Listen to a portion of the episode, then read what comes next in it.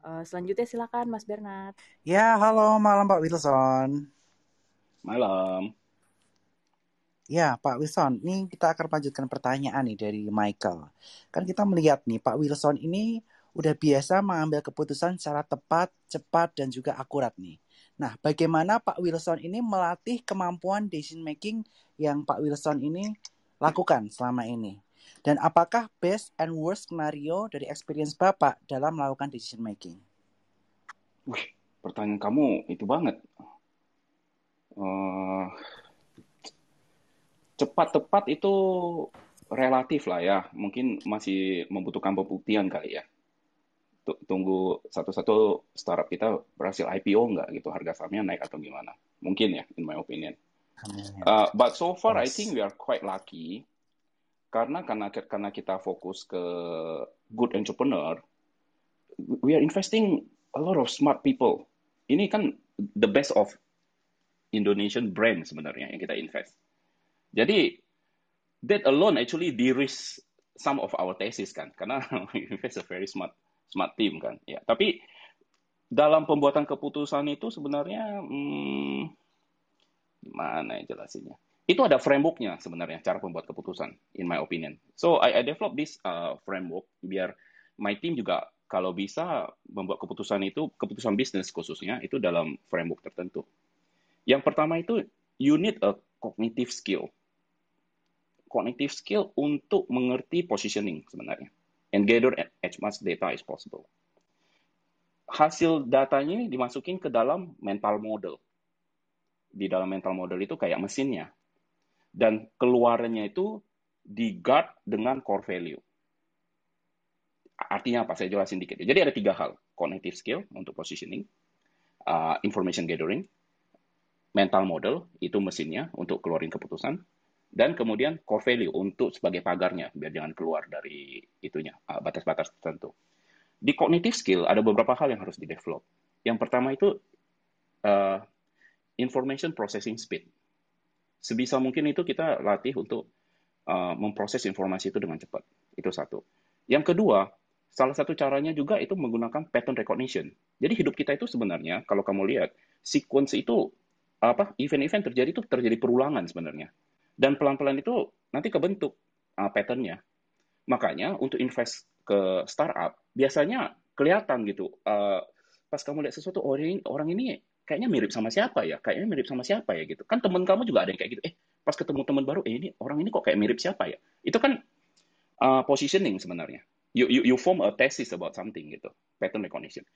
Yang penting juga di cognitive skill yang harus di develop itu kategori formation apakah orang ini entrepreneur atau bukan entrepreneur, apakah ini engineer, bukan engineer, orang ini trustworthy atau nggak trustworthy, itu di kepala kita kan ada bucket-bucketnya sebenarnya.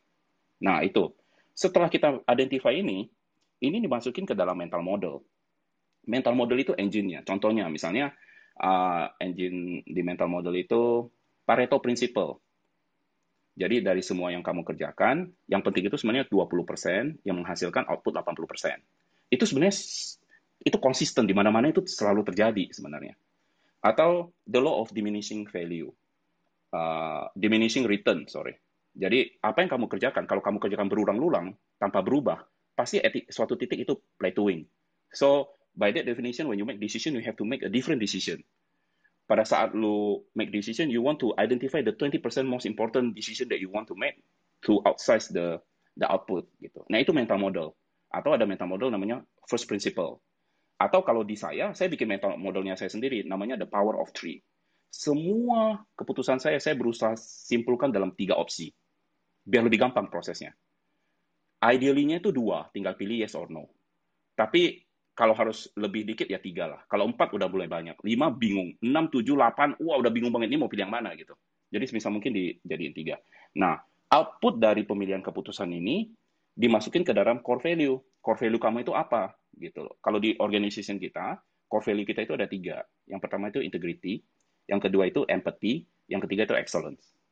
Dimasukin ke sini. Ada integritasnya enggak? Empathy-nya udah masuk belum? Excellence-nya oke okay enggak? Dan ini in, in the in the in the sequence ya. Integritas paling atas, empathy yang kedua, excellence yang ketiga. Jadi by this definition, pada saat kita buat keputusan, kalau itu bakal harm other people, nomor dua itu kena tuh. Kita nggak bakal execute.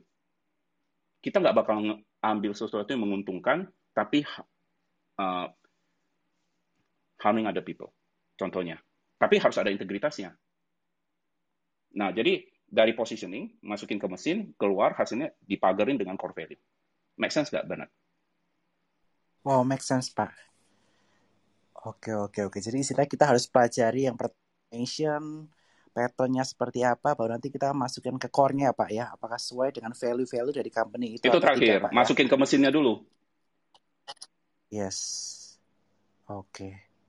Ini mirip sama saham nih Pak. Kalau trader kita juga ngelihat namanya pattern juga nih. Teknika analisis, history repeat itself.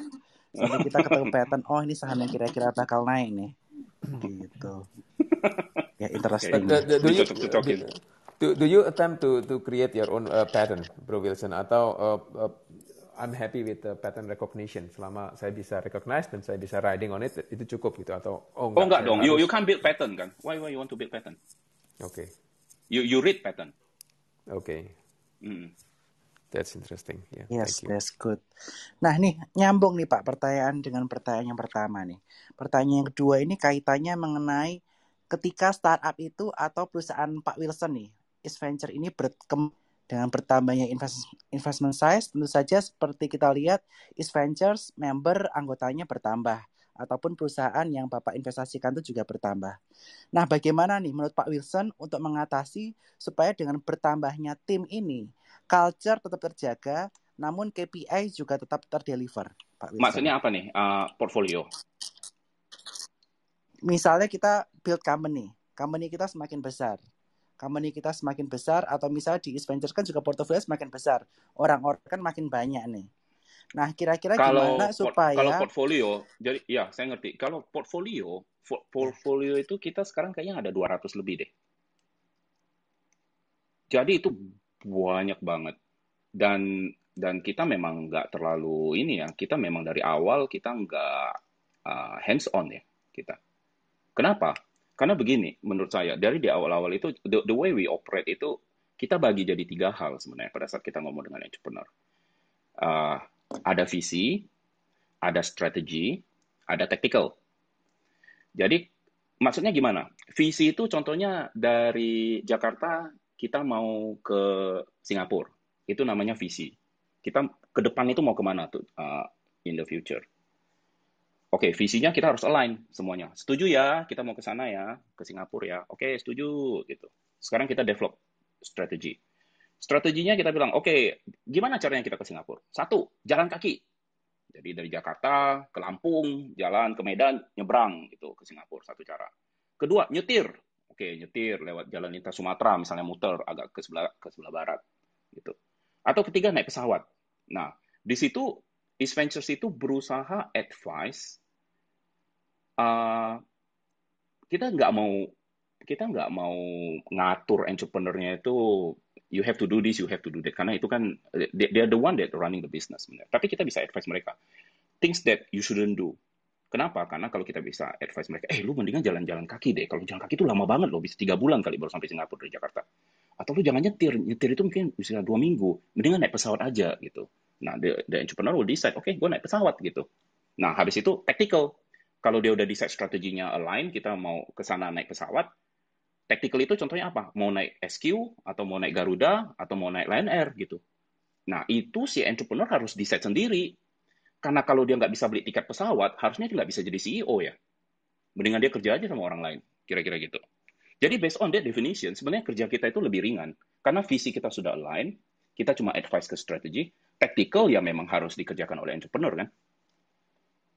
Agree. Oke, jadi tugasnya visi itu lebih ke arah kemudian yang kedua bukan bukan. itu itu gayanya kita. Enggak enggak enggak. Itu gayanya kita. Oke. Okay. different visi have different style. Ada visi yang bilang oh lu jangan. Lu pertama harus ke website www bla bla bla bla bla. Habis itu lu klik ini lu klik ini lu klik ini. Lu beli pakai kredit card ini ya. Nah, ada visi juga yang kayak gitu. Oh, oke. Okay. jadi ini is venture style ya pak ya? Yes benar Oke. Karena kita ya, ya, manage ya, ya. 200 company, kalau kita satu-satu kita ajarin cara beli tiket pesawat, mana ada waktu ngapa-ngapain. Agri Pak Wilson. Mm -mm.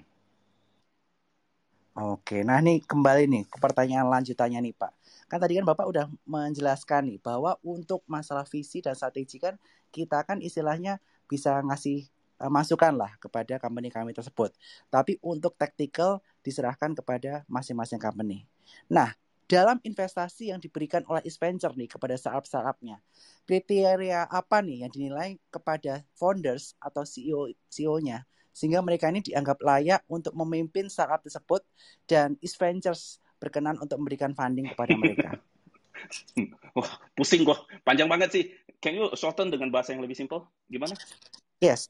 Jadi intinya kan tadi kan udah dijelaskan nih, istilahnya proses uh, ke company-company-nya intinya kita you tactical sendiri nih. Nah, tapi gimana nih si East Ventures ini memberikan funding riset untuk kasih funding ke CEO tersebut, ke founder tersebut kriterianya seperti apa? Intinya seperti itu. Yang tadi, yang tiga tadi. Kriteria CEO dan founder yang layak untuk diberikan funding. Ya, yang tadi tiga itu, integritas, self-awareness, sama paradoxical-nya dia. Oke. Jadi baik lagi ke situ ya Pak Wilson ya. Yang tadi visi, strategi, dan tactical itu setelah kita invest. Oke. Jadi sebelum harus dilihat sesuai dengan tadi itu ya Pak. Integrity, iya, self awareness. Oke. Okay, Paradoxical. Okay. Iya.